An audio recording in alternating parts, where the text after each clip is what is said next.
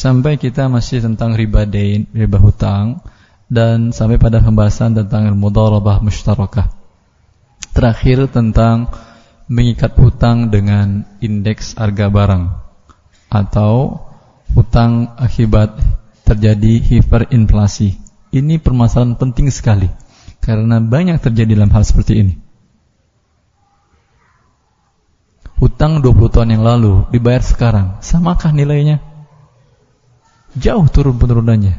Karena inflasi Indonesia biasanya tahun 2000, 2012 sekitar 6,7 persen dan diperkirakan untuk 2013 lebih tinggi lagi. Artinya, kalau dia berhutang 100 juta, kalau dibayar 100 juta tahun depan itu berkurang 6 persen sudah. Setahun 6 persen. 10 tahun. Bayangkan. Permasalahannya apakah dia harus membayar sebesar nominal yang dipinjamnya ataukah boleh yang memberikan pinjaman untuk meminta agar hutang dibayar sebesar nilai tukar rupiah pada waktu itu. Dia tidak menerapkan pertambahan. Nominalnya memang bertambah, tapi hakikatnya tidak bertambah kan karena nilai tukarnya terhadap barang lain tetap yang terjadi penurunan di sini nilai rupiah. Kalau dibayar tetap dengan nominal ketika jumlah hutangnya 10 tahun yang lalu, ya, siapa yang dizolimi di sini? Hah? Siapa? Pemberi hutang. Karena 10 juta 10 tahun yang lalu 10 juta pada tahun hari tahun hari ini berbeda nilainya puturnya mungkin sampai 40%, 50% dia sudah tetap saya tidak menambah tidak menginginkan riba, tetapi saya juga tidak ingin kurang nilai uang saya. Kalau dia bayar lebih dari nominalnya 10 juta menjadi umpamanya 12 juta atau 13 juta, apakah ini riba atau tidak namanya? Riba atau tidak namanya? Masih ingat penjelasan kita tentang ini terakhir? Bagaimana antum ingat? Halaman terakhir pelajaran nggak ingat anda lagi isinya. Allah musta'an. Para penuntut ilmu di akhir zaman seperti inilah. Allah ini permasalahan sangat penting dan sering terjadi dan paling banyak ditanyakan. Saya ulangi lagi pembahasan karena permasalahan yang penting. Bahwa bila terjadi hiperinflasi, hiperinflasi, kalau nilai inflasi di bawah 30%, di bawah 30%, hutang dalam dalam waktu 1 atau 2 tahun atau 3 tahun, kalau 6% rata-rata inflasi itu belum sampai 30% penurunannya kan. Itu harus tetap dibayar sebesar nominal dipinjam. Walaupun berkurang nilai tukarnya. Jelas ini. Saya ulangi. Anda memberikan pinjaman 10 juta tahun ini akan dibayar tahun depan, tetapi dia ternyata tidak mampu dibayar setelah 3 tahun atau 4 tahun. Terjadi memang inflasi pada uang nilai 10 jutanya tapi masih di bawah 30%. Artinya, ketika dia bayar nilai 10 juta itu hanya senilai 8 juta pada waktu dia pinjam. Paham? Ya. Dalam bentuk seperti ini sepakat para ulama al-mu'asirin, para ulama sekarang mengatakan tetap dibayar 10 juta. Walaupun nilainya ketika dibayar itu sama dengan 8 juta. Paham ini? Jelas? Ya. Tetap karena di sinilah nilai ribanya. Bila inflasinya lebih dari 60 persen, 60 persen, ya, pendapat yang paling kuat dalam hal ini yang dikeluarkan oleh Majma' Fiqh al-Islam al-Baqi al-Bawaoki tidak diperhatikan lagi nominalnya tetapi diperhatikan nilai tukarnya Artinya ketika diberikan pinjaman 10 juta, nominalnya 10 juta. Ketika ingin dibayar dengan 10 juta juga, tetapi nilainya adalah sekitar 30 juta, 3 juta lagi. Paham? Karena tidak inflasi. Artinya 10 juta sekitar 30 tahun yang lalu, 30 tahun yang lalu dapat apa waktu itu? Dapat dua motor baru mungkin dapat. Sekarang satu pun tidak dapat. Penurunan nilai tukar 10 juta tadi, nilai tukar terhadap barang, lebih dari umpamanya 60% sampai 70%. Ya.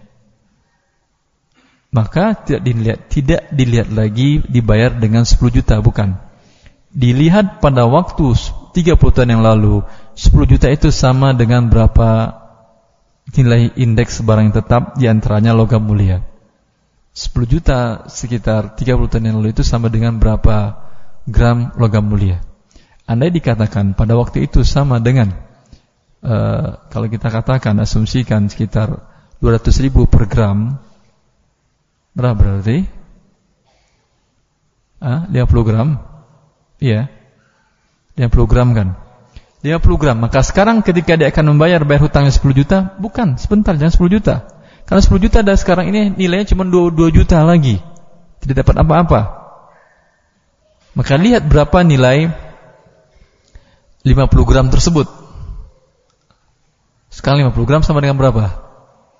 Kayak 5, 25 juta umpamanya. Kalau 4, 20, 20 juta. Bayar dengan 20 juta rupiah. Jelas? Karena mata uangnya yang 30 tahun yang lalu itu dinamakan dengan mata uang al-munqati'. Uang yang dianggap tidak laku lagi. Karena penurunannya terlalu besar. Dan sering kita jelaskan bahwa yang menyebabkan terjadinya inflasi ini adalah riba. Sering kita katakan bahwa yang menyebabkan inflasi adalah riba. Bila terjadi inflasi, penurunan harga uang tersebut lebih dari sepertiga, kurang dari dua per tiga, seperti umpamanya 40% penurunannya atau 45%, maka bagaimana? Apakah dibayar dengan cara tetap 10 juta atau dengan emas tadi? Pendapat yang terkuat dalam hal ini wallahu taala alam yang menurut Majma' al-Fiqhi lembaga fikih Samtul Nusal di bawah Rabitah yang berpusat di Mekah dibagi dua inflasinya. Sebagian ditanggung oleh pemberi hutang, sebagian ditanggung oleh pembayar hutang, pihak yang berhutang. Agar adil dia, karena ini dinamakan dengan jaihah musyarakah. Yang menyebabkan nilai mata uang itu turun bukanlah pemberi pinjaman dan juga bukan peminjam, tetapi ini bencana ini mengenai setiap orang dan ini lebih besar daripada bencana alam. Lebih besar. Karena bencana alam yang terkena setitik orang, gunung Merapi meletus, yang terkena paling orang tinggal di sekitarnya. Anda yang tinggal jauh dari gunung Merapi kena atau tidak? Tidak. Tsunami paling terkena orang sekitar lautnya itu. Yang Anda di gunung tidak kena apa-apa. Tapi kalau inflasi, di mana Anda mau berada silahkan. Mau di gunung, mau di laut, mau di daratan, mau dalam gedung, mau dalam apa pun, selagi Anda megang rupiah, pasti terkena. Lihat kezaliman riba. Yang dibunuhnya bukan orang per orang. Semua yang megang mata uang yang, di, yang diatur dengan sistem riba tadi. Kalaulah maling yang diambil dia paling berapa gepok uang yang bisa diambil dia berapa karung uang yang bisa diambil dan seorang hanya pihak satu pihak yang dirugikan. Tapi dengan riba tadi semua orang akan dirugikan. Ratusan juta orang akan dirugikan. Maka dibagi dua karena bukan kezaliman bukan karena dia maka dibagi dua nilai kerugian tadi. Jelas ini? Jelas ini? Saya bisa mengulangi Siapa yang bisa mengulangi? Jelas atau belum? Hah? Kalau belum berarti saya ulangi. Kalau belum untuk baca lagi lah bukunya. Sekarang kita lanjutkan permasalahan yang baru dan insya Allah uh, majlis sekarang ini berbeda dari yang biasanya hanya sampai isya saja. Ya, untuk pertemuan kali ini hanya sampai isya saja. Nanti sudah isya tidak ada lanjutan tanya jawab. Nanti 10 menit sebelum uh, kajian ditutup, kalau ingin bertanya silahkan.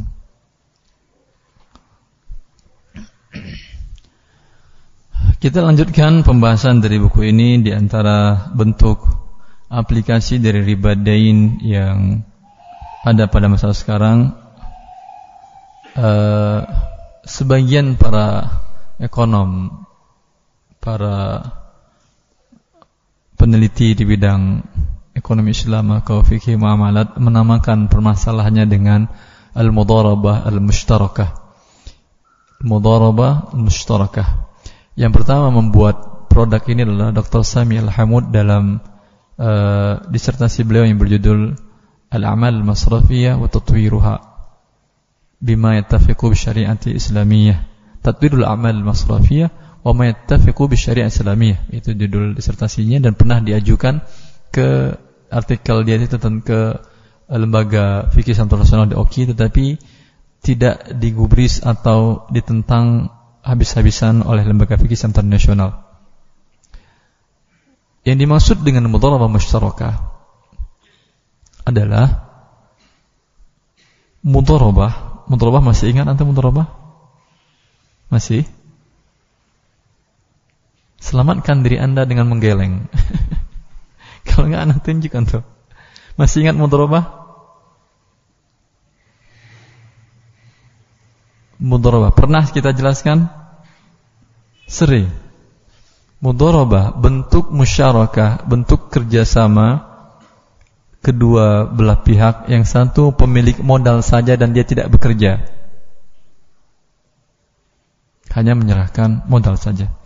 Yang kedua bekerja saja dan tidak ada modalnya. Sekedar mengelola uang, memutar uang. Dari uang ini dibeli barang, dijual lagi mendapat keuntungan dan seterusnya. Ini namanya mudharabah. Dia bagian dari bentuk musyarakah. Kalau musyarakah masing-masing mengumpulkan dana dan sama-sama bekerja untuk mengembangkan uang ini. Ini namanya musyarakah. Kalau mudharabah tidak. Yang satu dia tidak mau tidak bekerja, hanya menyerahkan uang. Yang satu lagi hanya bekerja saja dan tidak ada uang. Ini namanya mudharabah. Mushtarakah ini penamaan yang baru. Tidak dikenal dalam uh, literatur atau referensi buku-buku fikih ulama terdahulu tentang mudharabah mushtarakah. Yang dimaksud Dr. Samil Hamud dan kemudian ini apa? menggema usulan beliau, wacana beliau dan akhirnya banyak diterapkan oleh lembaga-lembaga keuangan. Lembaga keuangan syariah yang kita maksud. Bentuknya adalah menurut dia ini pas untuk pengganti atau solusi dari akad deposito atau akad tabungan. Deposito atau tabungan yang riba. Tabungan yang riba Anda menambung atau Anda mendepositokan ya, kemudian uang Anda diputar oleh bank tersebut dengan dipinjamkan lagi ke nasabah yang ingin memutarnya. Kemudian bank meminta bunga dari nasabah yang memutar tadi sekian persen, tentu lebih besar. Dan menjanjikan kepada yang memberikan pinjaman ini atau yang menabung atau yang mendepositokan ini bunga di bawah yang ditarik dia dari nasabah yang meminjam. Ya. Maka dengan bentuk yang sama tetap ada juga pertambahan uang ketika Anda menyimpan dana di lembaga keuangan yang syariah. Kemudian, kalaulah mudharabah yang biasa, yang biasa dilakukan dan dijelaskan oleh para ulama kita, tidak boleh ada pernyataan penjaminan dana yang Anda berikan. Kalau A memberikan dana kepada B untuk diputar dalam bentuk usaha jual beli, maka tidak boleh B mengatakan sini uang Anda saya putar dan saya jamin uang Anda tetap tidak akan berkurang dan setiap bulan saya berikan bagi hasil. Bolehkah seperti ini atau tidak? Tidak boleh. Kenapa? Jadi apa namanya sekarang? Jadi akadnya riba ini, bukan mudharabah namanya. Akad riba. Karena perbedaan antara mudharabah dan qard. Mudharabah dengan qard. Qard pinjam minjam dia tidak boleh mendapatkan pertambahan pemberi pinjaman dan dia tidak menanggung resiko sedikit pun. Diberikan pinjaman kemudian diputar atau baru setelah dipinjam uang dari B minjam uang kepada A setelah diserahkan uang keluar B ini dari ruangan dan dirampok dia. Tetap dia harus mengembalikan pinjaman sebanyak yang dipinjam. Tidak ada risiko. Dan karena tidak ada risiko maka dia tidak boleh mendapatkan pertambahan. Bila dia mendapatkan pertambahan maka inilah yang namanya riba.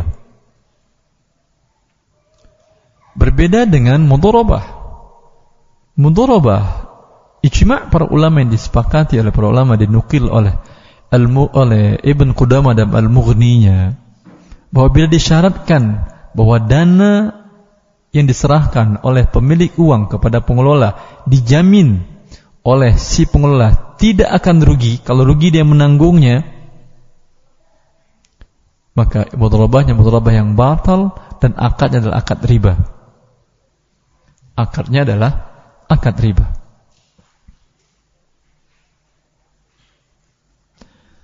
Maka yang terjadi dalam mudharabah mustarakah ini, Dr. Samuel Hamud mengatakan, mudharabah yang ada persyaratan penjaminan dana oleh pengelola yang merusak akad itu mudharabah zaman dulu yang sistemnya perorangan. Sistemnya perorangan. Berbeda dengan mudharabah mustarakah yang dilakukan sekarang oleh lembaga-lembaga keuangan. Ini menurut beliau ya. Berbeda kata beliau. Perbedaannya apa? Kalau mudharabah mudharabah yang biasa yang dahulu itu hanya antara satu pemilik modal dengan satu pengelola. Tapi mudharabah masyarakat tidak. Banyak dana orang di sini dikumpulkan dalam lembaga keuangan. Ribuan bahkan jutaan para nasabah yang mengumpulkan dananya ingin mutarkan dananya di lembaga tadi. Maka namanya mustarakah, banyak orang. Oleh karena itu, kalau tidak diadakan penjaminan oleh pihak yang memutar dalam hal ini adalah pengelolanya yaitu adalah bank, lembaga keuangan, maka dikhawatirkan ya si pengelola ini tidak amanah. Bisa saja dengan satu alasan dia mengatakan, "Oh, ternyata uang Anda berkurang. Kami putar dan ternyata rugi dan kami ini ternyata begini." Dan hasilnya bahwa uang Anda berkurang. Ya. Maka kemudian dia mengatakan, Beliau mengatakan menggunakan dalil. Kata beliau dalilnya adalah ini dibolehkan penjaminan oleh yang mengelola dalam hal ini adalah bank karena jumlah orangnya banyak dikiaskan dengan al-ajir al-mushtarak. Orang upahan yang menerima pekerjaan dari orang banyak. Sepakat para ulama bahwa al-ajir al-khas orang upahan yang bekerja menerima jasa dari satu orang seperti umpamanya sopir pribadi. Jelas? Sopir pribadi. Sepakat para ulama kalau sopir pribadi ini terjadi tabrakan dengan mobilnya tanpa ada kelalaian dan tanpa ada kesengajaan, ya, maka dia sama sekali tidak mengganti. Ini sepakat para ulama la yajtami'u bainal jawaz syar'i wad dhaman. Al dhaman tidak mungkin bertemu. Tidak mungkin bertemu antara akad penjaminan dengan akad yang dibolehkan. Dia dibolehkan bawa mobilnya kan? Maka tidak ada kewajiban dia harus menjamin kecuali dilalai. Atau dia mengatakan kamu jangan lewat sana, jalan itu jelek. Atau jalannya tikungannya tidak aman, sering terjadi kecelakaan lewat jalan yang ini. Ternyata dia tidak mendengarkan, terjadi kecelakaan itu iya. Atau dia mengatakan, kamu kalau lelah per tiga jam istirahat, jangan paksakan. Ternyata dia ingin cepat sampai lima jam, tetap dia jalan. Ya, Subhanallah. Eh, saya pernah di diajak oleh salah seorang uh, sopir yang perusahaan besar di perusahaan asing. Dia mengatakan peraturan perusahaan kami Ustaz kata dia setiap sopir itu tidak boleh membawa mobil lebih dari tiga jam. Apa pun kondisinya harus istirahat. Setelah tiga jam istirahat.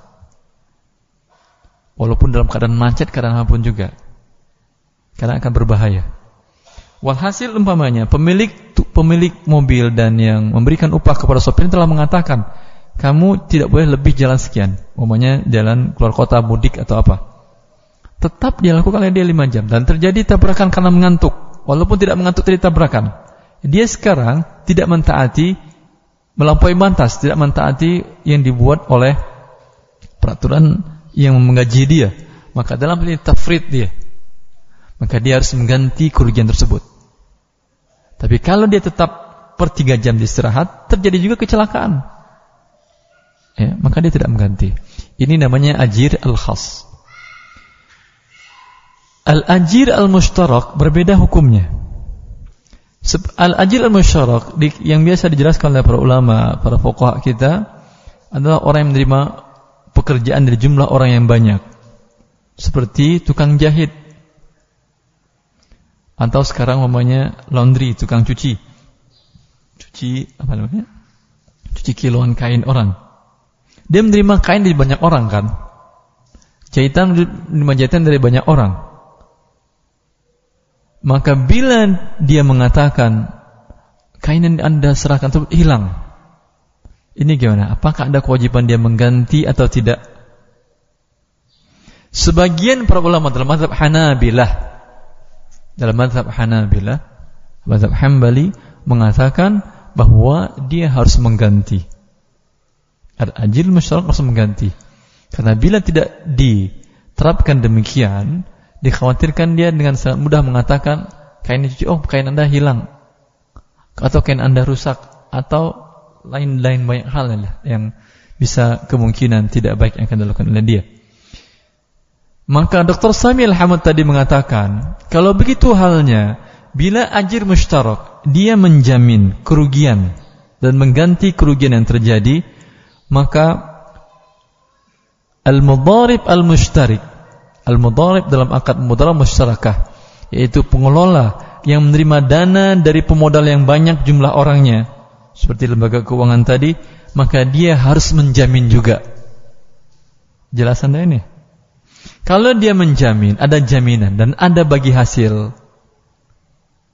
Ini sama atau tidak dengan pinjam meminjam? Pinjam minjam diberikan dan diberikan pertambahan dengan tidak tetap. Sama atau tidak? Hmm?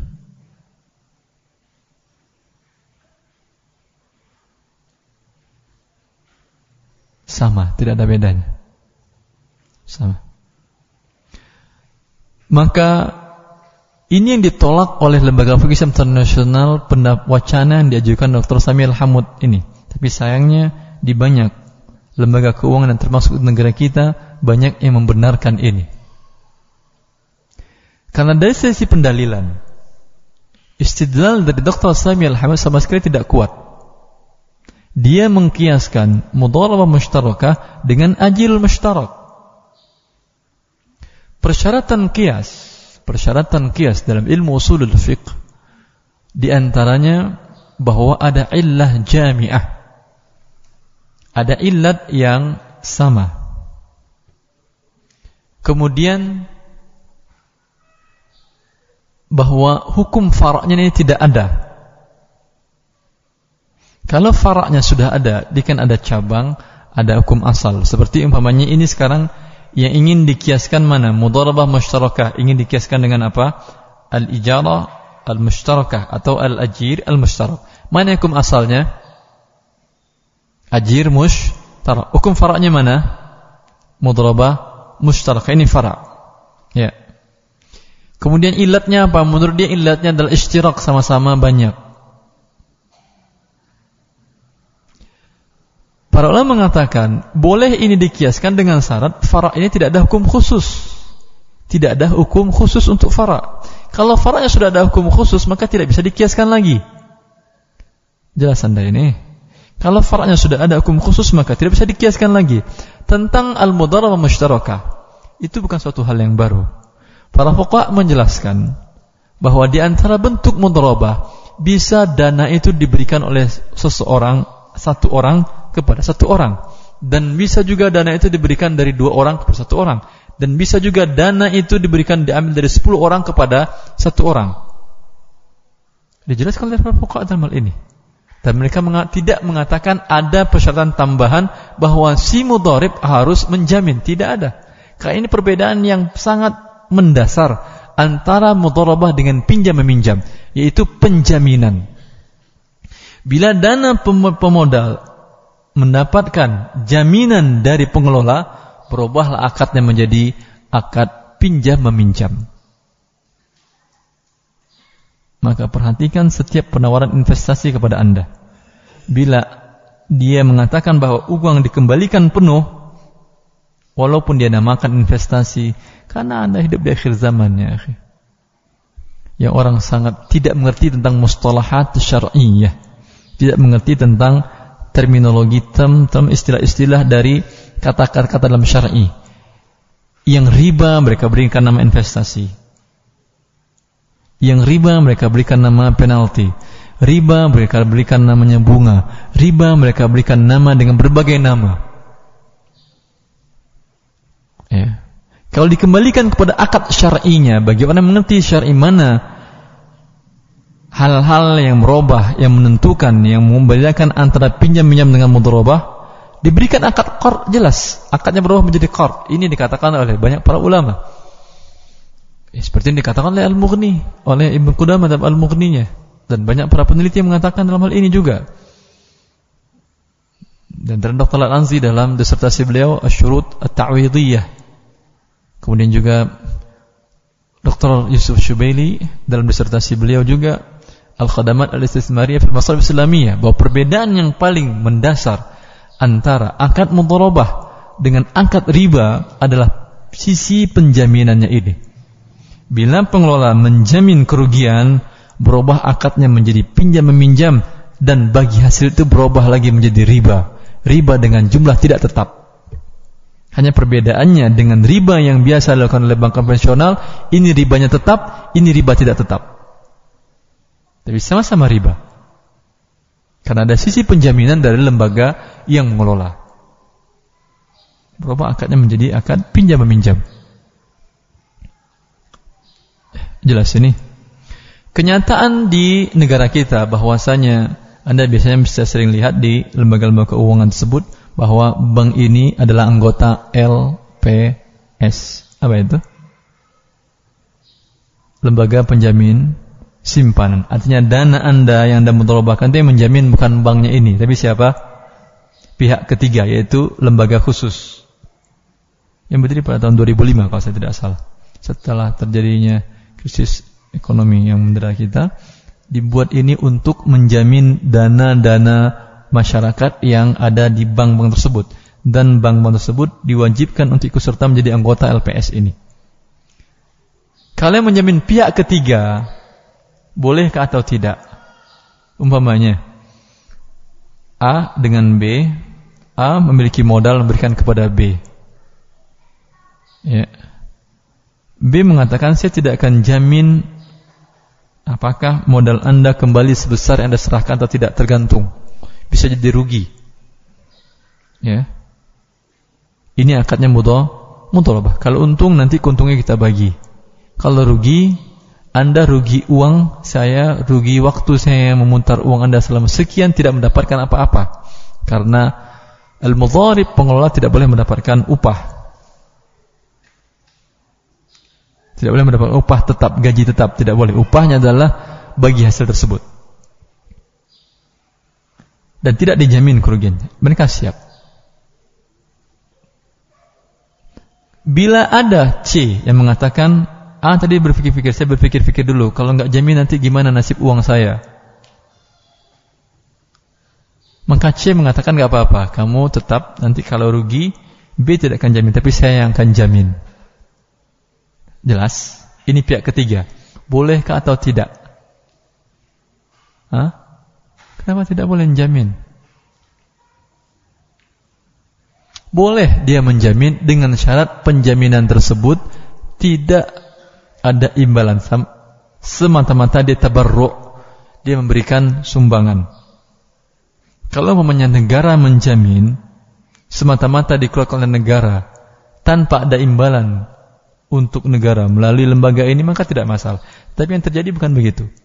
Di lembaga penjamin simpanan tersebut bank-bank ini menjadi anggotanya wajib membayar premi. Premi teman-teman kan? Iuran. Wajib membayar iuran. Dari uang yang terkumpulin nanti inilah yang menjadi jaminan tersebut. Jelas? Maka Dr. Yusuf Syubeli mengatakan bahwa ini bentuknya, bila bentuknya seperti ini, karena nggak mungkin di negara di masa orang yang hidup materialis seperti ini akan ada orang yang menyumbangkan ya udah kalian lakukan mudharabah nanti yang rugi saya yang nanggung tanpa ada imbalan tidak ada. Maka mereka buat adalah akadnya mirip dengan takmin antijari, yaitu mirip dengan akad asuransi konvensional. Bagaimana hukum asuransi konvensional? Bolehkah atau tidak? Hah? Bolehkah atau tidak? Tidak boleh. Sudah kita bahas di awal-awal permasalahan gharar. Aplikasi permasalahan gharar telah kita bahas. Baik tetap tidak boleh karena bentuknya adalah asuransi. Yang dalam hal ini lembaga keuangan tadi memang dipaksa. Ya. Kalau dipaksa mau apa lagi? Ya. Tetapi kita yang nabung di sana insyaallah. Ya insyaallah wallah taala bila akadnya mudharabah yang penjaminnya seperti ini dan akadnya dipaksakan ya insyaallah tidak mengapa. Karena tidak ada lagi solusi yang lebih aman daripada ini. Ya.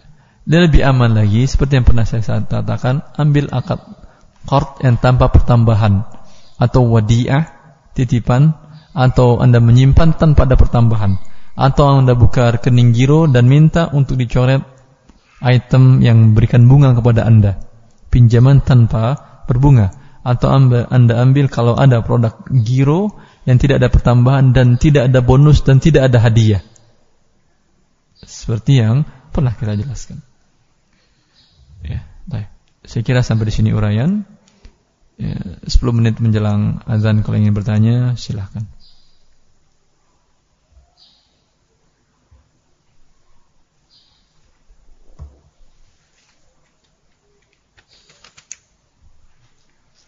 Sekira cukup dua pertanyaan saja. Pertanyaan pertama Ustaz, ada peraturan di sebuah perusahaan yang melarang karyawannya untuk berjualan di area pabrik. Bagaimana kalau ada karyawan yang tetap berjualan di area pabrik dan transaksinya di sela-sela jam kerja? Apakah halal hasil jual belinya? Syukrun jazakallahu khairan.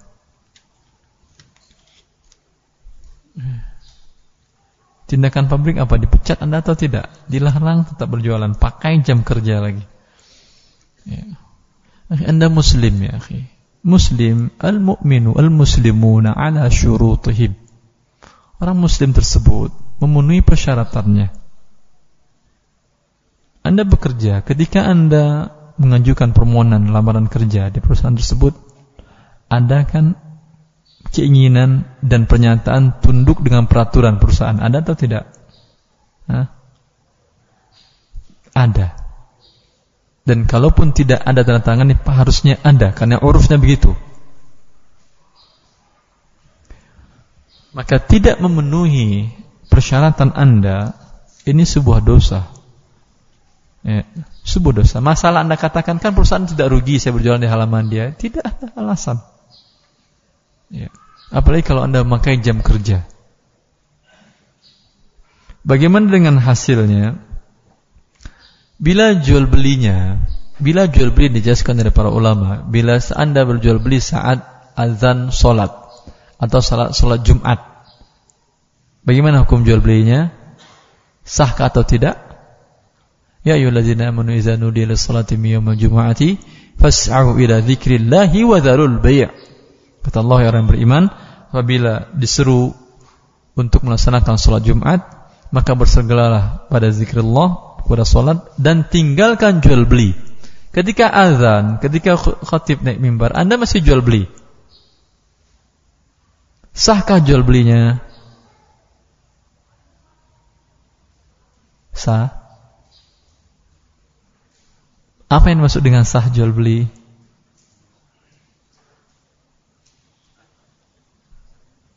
Yang dimaksud dengan sah dalam muamal ya tarattab alaihi al-athar. Sah itu artinya asarnya ada dampak dari jual beli itu terjadi. Apa dampak dari jual beli? Perpindahan kepemilikan dari satu pihak kepada pihak yang lain. Kalau dikatakan dalam syarat tidak sah jual belinya, maka uang dan barang yang berpindah kepada pihak yang lain dianggap sebagai rampasan. Jelas? Kalau Anda jual beli saat sholat tadi, sahkah atau tidak jual belinya? Khilaf ulama dalam ini. Al-Hanabilah mengatakan jual beli tidak sah. Asy-Syafi'iyah mengatakan Allah Ta'ala ini pendapat yang sangat kuat bahwa jual belinya sah. Karena larangan di sini tidak tidak berkenaan langsung tentang syarat dan rukunnya. Rukun jual beli. Tetapi amrun kharij perintah di luar permasalahan jual beli, masalah waktu. Ya. Dengan demikian jual belinya sah tapi dia berdosa. Jual belinya sah tetapi dia berdosa. Karena larangan di sini terhadap sebuah perbuatan lahu jihatan. Perbuatan ini memiliki dua sisi. Dia dilarang bukan karena perbuatannya. Tapi min am li amrin kharij, maka wallah taala alam jual belinya sah tetapi perbuatannya ini berdosa melanggar perintah Allah. Bolehkah begitu? Bisakah begitu? Bisa. Laki-laki memakai cincin emas berdosakah atau tidak? Kalau dia sholat, sahkah sholatnya atau tidak? Sah. Tapi berdosa atau tidak? Berdosa. Jelas? Ini di antara permasalahannya. Maka jual beli anda sah dan keuntungannya adalah halal, tapi anda berdosa tidak memenuhi persyaratan anda. Dan anda berdosa tidak bekerja pada waktunya karena Anda berjualan pada sela-sela waktu bekerja. Artinya ada perusahaan dan perusahaan ini. Anda bikin jualan lagi pada saat dalam perusahaan tersebut. Jam kerja Anda kendalikan untuk jual. Maka gaji sebanyak waktu yang tidak Anda penuhi persyaratan ini tidak halal. Gaji Anda tidak halal. Hasil jual beli Anda halal. Tetapi Anda berdosa. Pertanyaan selanjutnya Assalamualaikum Waalaikumsalam Salah satu anggota koperasi kami bermaksud hendak membeli barang melalui koperasi secara kredit. Kemudian koperasi mewakilkan salah satu anggota lain untuk bersama-sama membeli barang dimaksud. Akan tetapi pada waktu pembayaran barang ke kasir, pembayaran dengan ATM milik koperasi dilakukan oleh yang ingin beli tadi dan kwitansi diterima oleh yang ingin beli tadi A karena merasa sama-sama perwakilan koperasi. Kemudian setelah itu si B selaku wakil koperasi yang ditunjuk langsung melakukan akad jual beli kepada A di toko tersebut. Apakah jual beli A dengan B tersebut sah? Kalau tidak sah bagaimana solusinya agar jual beli tersebut bisa sah? Catatan barang lemari es digunakan oleh A di rumahnya. Jazakallahu khairan. Terbayang permasalahannya? Koperasi ada nasabah A datang kepada koperasi, tolong belikan saya lemari es. Jadi setelah anda beli, saya beli dengan cara tidak tunai. Lalu koperasi menunjuk B, tolong kamu beli uh, lemari es tadi nanti tolong jualkan kepada A ini. Ditunjuk barangnya yang diinginkan oleh A tadi, Lalu yang membayar adalah A juga, pakai ATM si A. Si B sebagai apa di sini? Nah, ngelihat saja kan? Kayak ngelihat saja dia. Dia kan bikin akad atau tidak? Permasalahan-permasalahan akad. Apakah B yang bikin akad dengan yang pemilik barang atau si A? Atau ini titipan pertanyaan? Si A yang bikin. Ini bukan namanya jual beli lagi. Berarti barang sekarang milik A. Kalau dibeli A dengan uang tunai, kemudian nanti dibeli dia lagi dengan kredit, dijualnya lagi dan dibeli dengan kredit, ini menjadi inah. Menjadi inah. Dijual dengan tunai, kemudian dibeli dengan kredit dengan harga lebih mahal. Ya, maka Allah ini menjadi inah. Caranya bagaimana solusi syar'inya? Bahwa A tidak boleh sama sekali membuat akad di awal. Masalah A pakai uang A dulu nggak ada masalah. Tapi yang membuat akad dengan pemilik barang adalah B ini ditunjuk langsung. Kemudian B mengatakan saya ada uang pinjam uang kamu dulu kalau dia ingin minjamkan uangnya. Atau saya bawa uang tunai, saya membawa cek ternyata ceknya nggak diterima harus pakai ATM, pakai ATM juga ada masalah. Tapi akadnya pinjam minjam di sini dulu. Setelah diterima dia barang baru dijual kepada si A tadi. Jelas ini? Ini solusinya, tidak bisa solusi yang lain. Jual beli yang tadi tidak sah menurut jumhur para ulama, kecuali menurut mazhab Syafi'iyah, ya, ini masih bisa disahkan. Jumhur ulama mengatakan tidak sah. Dan menjadi ini. Barang sudah dimiliki sebelumnya oleh si A tadi. Jelas ya?